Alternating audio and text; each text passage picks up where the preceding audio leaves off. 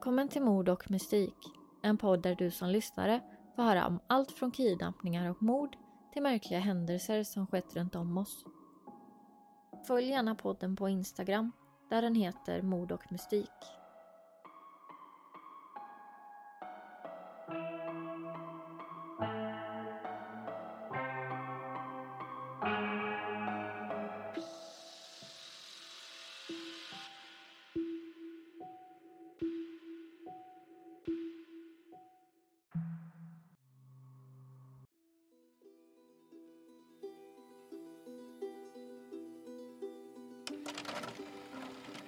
18 november 2011 Quaker Hill Nursing Home, Sydney. Vårdhem där 89 patienter befinner sig vid tiden för händelsen. En brand bryter ut. 11 personer mister livet, ytterligare 8 skadas allvarligt. Australiens värsta massmord någonsin har inträffat. Det här är berättelsen om Roger Dean.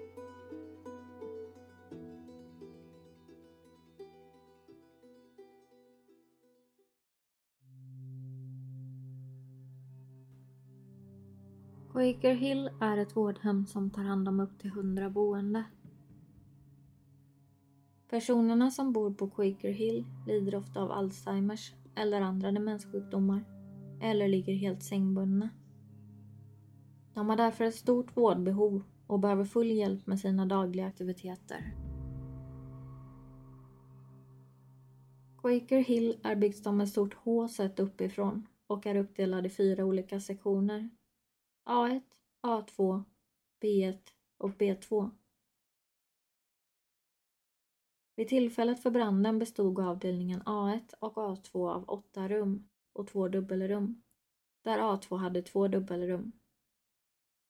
Avdelning B1 och B2 innehöll sex rum, varav B2 hade fyra extra bäddar.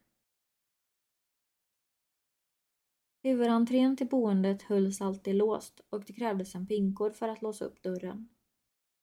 Koden var olika beroende på vilken tid på dygnet man försökte komma in, men efter klockan 20 varje kväll ändrades koden automatiskt till en kod som endast personalen hade tillgång till, för att undvika att anhöriga kom in på hemmet kvällstid. Hemmet hade 16 stycken övervakningskameror som aktiverades av rörelse Kamerorna var placerade både inne och ute. I början av september 2011 började Roger Dean jobba nattskift på hemmet.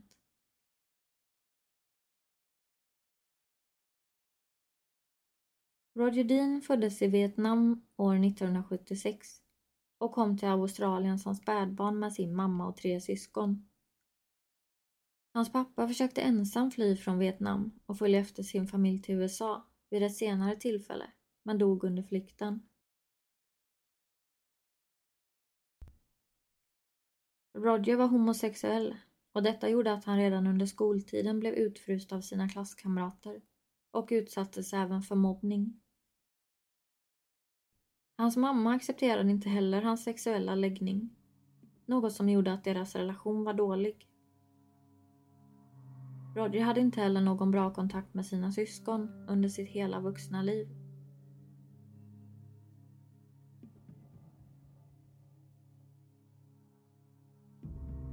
Roger tog sin sjuksköterskeexamen från University of Sydney år 1996 och arbetade sedan som sjuksköterska både på St. George's sjukhus i Sydney och St. John of God-sjukhuset i Burwood.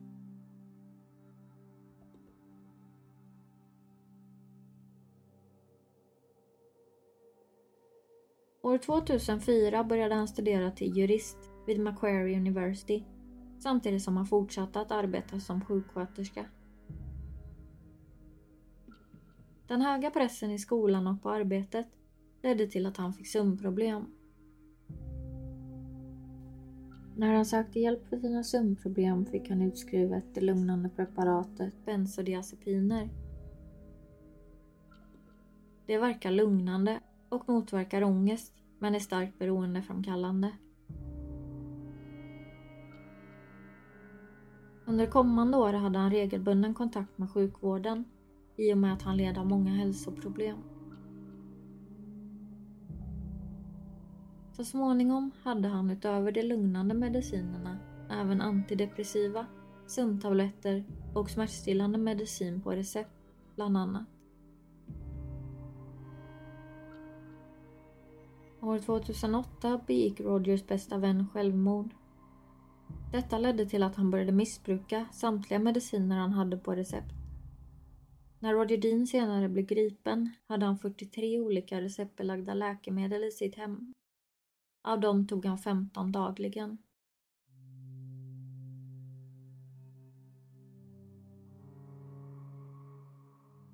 Tre månader innan han började arbeta på Quaker Hills vårdhem hittades han drogpåverkad på jobbet när han arbetade på St. John of God-sjukhuset. Han var så pass påverkad att han inte kunde prata ordentligt och hade problem att gå. Han skyllde detta på att han led av depression och var bipolär och att han hade problem med sina mediciner och att det gjorde att han nu uppfattades som drogpåverkad. Han lyckades sen fixa ett läkarintyg som styrkte det han påstod, vilket gjorde att han fick återvända till jobbet kort tid efter händelsen.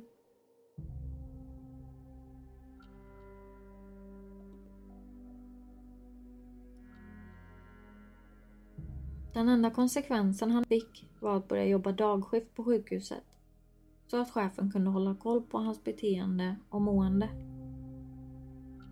Trots att Roger fick behålla jobbet valde han själv att sluta på St. John of God-sjukhuset och söka ett nytt jobb.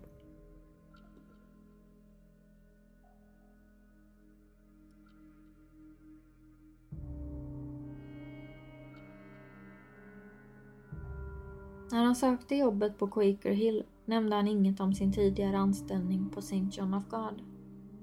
Han gav inte några referenser till någon tidigare arbetsplats och Quaker Hill valde inte heller att kontakta någon av Rogers tidigare arbetsgivare för att se vad de hade att säga om honom. Hade de gjort det hade de troligtvis fått reda på drogincidenten. Men också att hans kollegor på sjukhuset inte litade på honom och hans omdöme. I början av september 2011 började han därför jobba på Quaker Hill vårdhem han började med att jobba nattskift onsdag och torsdagskvällar.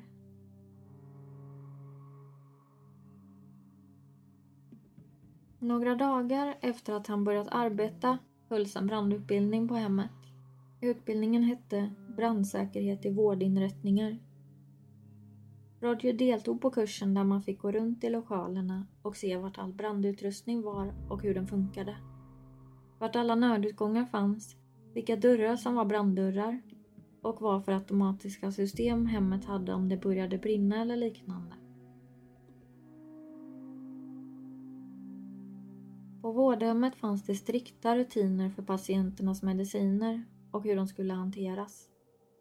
Det fanns en lista som man var tvungen att fylla i varje gång man hade hämtat ut något läkemedel. Där man var tvungen att skriva hur mycket man tagit ut. Man förvarade alla mediciner i ett låst skåp i ett behandlingsrum som också var låst. Det gick alltså bara att komma åt läkemedlen om man hade två olika nycklar. Roger som var legitimerad sjuksköterska, jobbade nattskift, hade ansvar för läkemedlen och hade därför tillgång till båda nycklarna.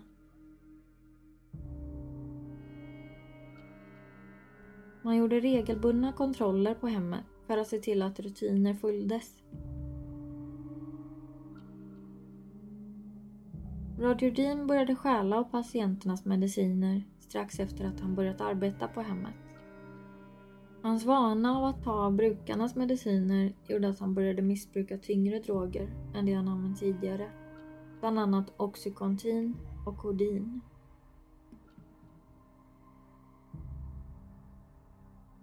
1930 17 november 2011, dagen innan branden, utfördes en inventering av två sjuksköterskor som arbetade dagskift på hemmet. De kollade över alla receptbelagda mediciner som fanns inne i det låsta skåpet. De upptäckte då att det saknades totalt 237 tabletter och att någon hade försökt dölja stölderna genom att sätta tejp på förpackningarna efter att de öppnats. Det fanns inga övervakningskameror inne i själva rummet, men Roger Dean hade fångats på film utanför rummet där det syntes hur han gick in i rummet vid flera tillfällen och stannade där inne under en längre tid. När sköterskorna upptäckte stölden kontaktade de direkt deras chef Lenetta Matteo. Hon var inte i tjänst när hon fick samtalet från sköterskorna men på grund av allvarlighetsgraden av det som påstods valde hon direkt att åka till boendet för att dubbelkolla så inventeringen stämde. När även hon gått igenom läkemedelslistorna bekräftade även hon att 237 tabletter av de boendes mediciner saknades. Lenetta Matteo kontaktade polisen den 17 november klockan 22 för att anmäla stölden. Roger Dean anlände till boendet 23 minuter senare. När Roger Dean anlände till jobbet 17 november klockan 22.23 informerades han om att man upptäckte att det saknades mediciner i behandlingsrummets låsta skåp och att chefen var på plats. Han fick också veta att hon hade kontaktat polisen och att de var på väg till boendet för att upprätta en anmälan för stöld. Roger Dean får nu panik. Om det framkommer att det är han som har stulit medicinerna skulle inte bara hans karriär inom vården vara över. Han var även snart färdigutbildad jurist och blir han dömd för brott skulle det göra att han inte kommer kunna arbeta inom juridik.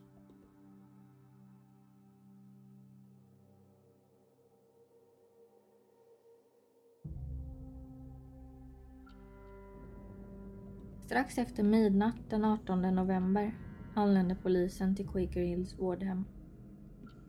Roger Dean möter dem vid dörren och visar dem in i lokalen. Chefen Linetta Matteo är också på plats och poliserna börjar ställa frågor till henne och Roger om det som inträffat. Men innan de hinner komma någon vart måste de avbryta och bege sig från hemmet efter bara drygt sju minuter för att de får ett brådskande ärende på annat håll. Poliserna meddelar dock att de kommer komma tillbaka så fort de har möjlighet och lämnar sedan platsen. Lenetta Matteo väljer då att gå igenom inspelningarna från övervakningskamerorna och ser ganska snart att Roger vid tillfället för stölderna flera gånger syns när han kommit och lämnar det låsta behandlingsrummet där medicinerna finns. Hon sammanställer allt videomaterial hon hittar och samlar in de tejpade läkemedelsförpackningarna som bevismaterial till polisen när de kommer tillbaks. Sedan tar hon materialet till sitt kontor och låser dörren. Hon har inte tid att stanna längre på hemmet så hon lämnar vid 03.43. Roger har nu kommit på en plan för att slippa bli påkommen för drogstölderna. Klockan 04.35 ber han två sköterskor i närheten av behandlingsrummet att gå på rast. Men de säger att de redan har tagit sin rast, så han lyckas inte få dem att lämna avdelningen. Eftersom planen att komma åt listorna i medicinskåpet misslyckas direkt går han istället till avdelningen A2 och ber de två sköterskorna som jobbar där att gå på rast. Och de gör som han säger, vilket lämnar honom ensam på avdelningen. Klockan 04.53 går Roger Dean in i rum 19 i flygel A2. Där tänder han eld på en säng med en cigarettändare som lämnats kvar i köket på avdelningen av en anställd. Brandlarmen utlöses direkt när han startar branden och det aktiverar i sin tur alla brandlarm på hela hemmet. Dessutom skickas ett automatiskt larm till räddningstjänsten när detta händer. Flera automatiska system aktiveras när brandlarmet går. Branddörrarna i hela boendet stängs för att minska spridning av branden och en larmpanel i lobbyn aktiveras.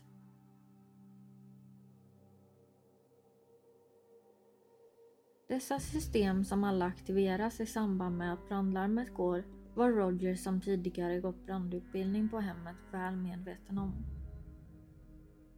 När branddörrarna stängdes gick Roger från avdelningen A2 till A1 där han startade en till brand i en annan tom säng i rum 3 på avdelningen. Mindre än fem minuter senare, klockan 04.59, anländer de första brandmännen till Quaker Hill. Där blir de omgående visade till den första branden i avdelningen A2 av övrig personal på hemmet. Eftersom brandmännen var på plats så snart efter att den första branden startat hade den inte hunnit sprida sig så det tog bara några minuter innan den var helt under kontroll. Dock var alla förutom Roger helt ovetande om att det inte bara var en brand som härjade på boendet, utan två. Alla brandlarm hade redan utlösts, så den andra branden i rum 3 på avdelningen A1 fortsatte sprida sig i det tysta. När Roger upptäcker att brandkåren är på plats börjar han hjälpa till med räddningsinsatsen. Han lyckas få ut en boende vid namn Helen som befann sig i rummet bredvid rum 3 där han hade startat den andra branden. Han sa åt henne att de måste evakuera och började leda henne ut ur sitt rum. När de går förbi den branden i rummet bredvid tittar Helen in och såg kaoset där inne. Hon bröt sig loss från Rogers grepp och började skrika att de måste få ut folk från rummet. Roger hade tänt eld på en säng som stod tom, men i ett rum där två andra bodde. Dorothy Sterling och Dorothy Wu. Båda dessa kvinnor led av svår Alzheimers, var sängbundna och kunde inte röra sig utan hjälp. Detta var Roger väl medveten om. Roger tar återigen tag om Helens arm och tvingade henne att lämna rummet och hjälper henne ut på parkeringen utanför. Men Roger har fortfarande inte lyckats med det han ville åstadkomma. Så han springer in på boendet igen, där han fortsätter hjälpa några andra patienter. Under hela detta förlopp berättar han inte för någon om att det finns en andra brand på hemmet, som fortfarande härjar fritt i rum 3, där Dorothy Sterling och Wu fortfarande ligger i sina sängar.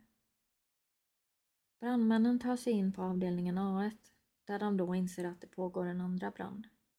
När de upptäcker branden är den helt utom kontroll och det är så mycket rök att brandmännen inte kan avgöra vart branden startat. Samtidigt hör de hur några av de boende skriker på hjälp, men de kan inte se något. Under tiden befann sig Roger Dean i säkerhet utanför byggnaden.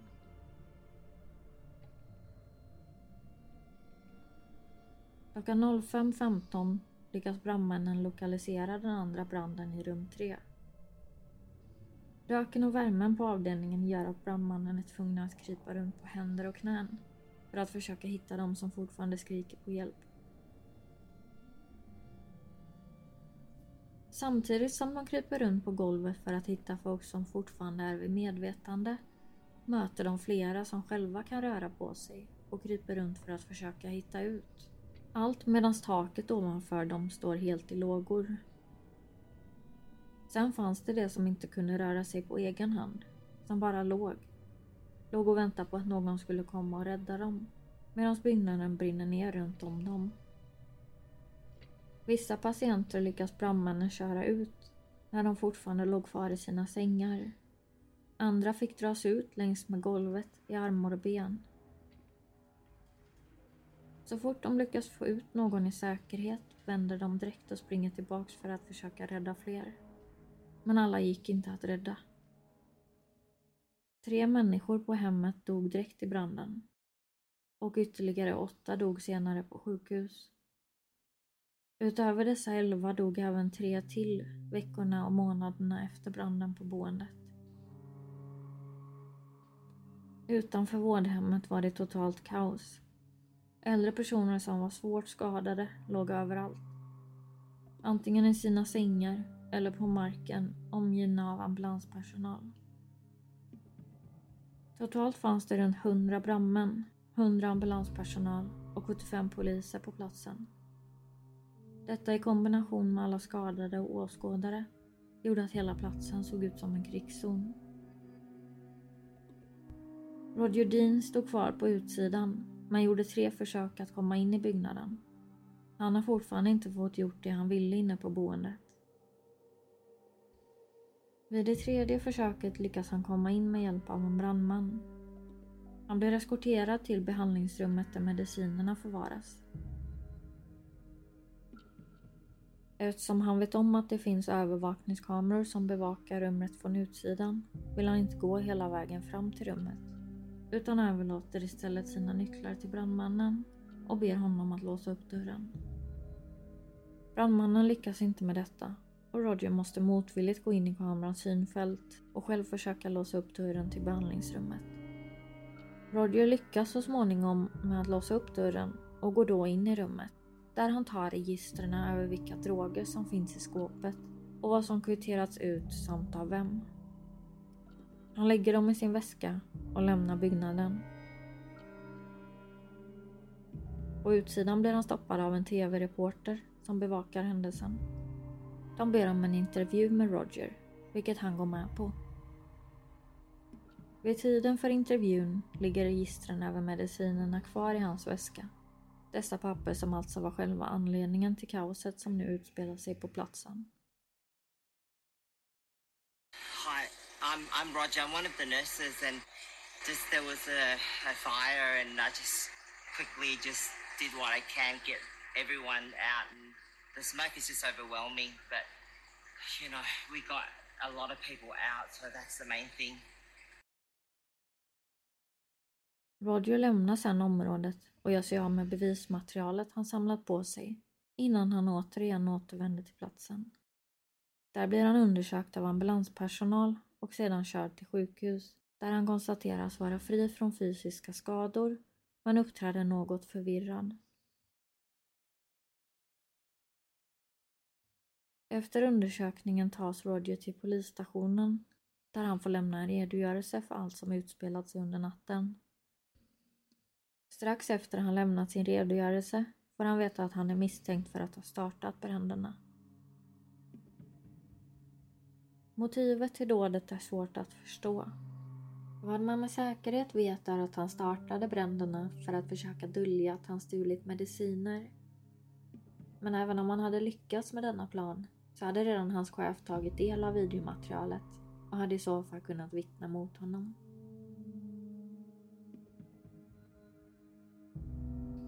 Hon hade dessutom låst in videomaterialet och medicinförpackningarna på sitt kontor och kontoret klarade sig helt efter bränderna. Istället för att riskera en dom för stöld var Roger nu misstänkt för betydligt grövre brott. Att vara den som startat bränderna. Eftersom polisen redan misstänkte Roger i ett så tidigt skede hade de redan börjat avlyssna hans telefon. Efter förhöret använder han denna för att ringa till sin rumskompis och sina två nära vänner för att berätta om allt som hänt. Vännerna kommer och besöker Roger på polisstationen där de får möjlighet att prata i en rum. Efter detta väljer han att erkänna sig skyldig till att ha anlagt bränderna. Roger Dean grips klockan 19.50 samma dag som bränderna startas.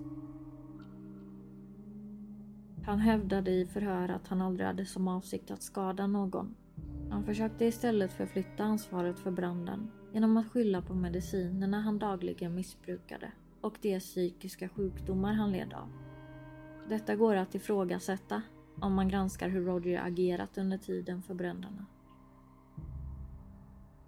Rogers försvar motbevisades av läkare genom att använda intervjun som sändes i TV. Läkarna menar att han varken verkat drogpåverkad eller psykiskt sjuk.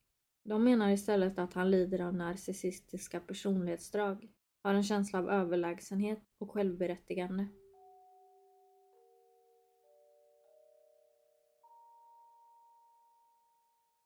I förhör som hölls med Roger efter händelsen framgick det även att utöver att ha stulit mediciner hade han även medicinerat de boende med receptfria läkemedel och istället tagit deras medicin själv.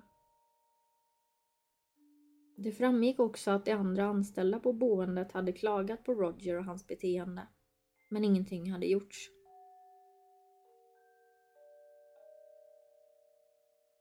Den 27 maj 2013 hölls rättegången Där Roger Dean stod åtalad för mord i 11 fall, 8 fall av vållande till grov kroppsskada och för stölderna på boendet.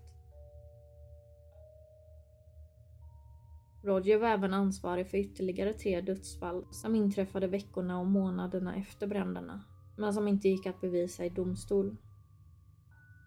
Dessa dödsfall berodde på att patienterna behövts kopplas bort från sina maskiner vid evakueringen och liknande. Bränderna tog därmed livet av totalt 14 människor. Roger Dean dömdes den 1 augusti 2013 till livstids fängelse för varje fall av mord han stod åtalad för. När domen lästes upp började anhöriga till offren jubla och applådera. Roger Dean visade inga känslor. Hans rykte har gjort att han måste spendera fängelsetiden i skyddsförvar för att skydda honom från de andra intagna fångarna. Roger Dean valde att överklaga domen med motiveringen att han inte kunde förutse vilken skada bränderna kunde utgöra för de som bodde på hemmet och att hans agerande berodde på hans missbruk och hans psykiska sjukdomar. Denna överklagan avslogs eftersom domstolen menade att hans handlingar under tiden för bränderna hade avsikten att dölja stölderna av medicinerna. Istället för att meddela räddningstjänsten om den andra branden valde han att försöka ta sig in i byggnaden och behandlingsrummet för att komma åt och förstöra bevismaterialet. In a way, me deciding to do that was, I mean, you won't believe it, but it was like Satan saying to me that it's the right thing to do. I love the residents very much and I have a really good rapport with them. So I feel extremely bad and I just feel evil that I'm just corrupted with evil thoughts.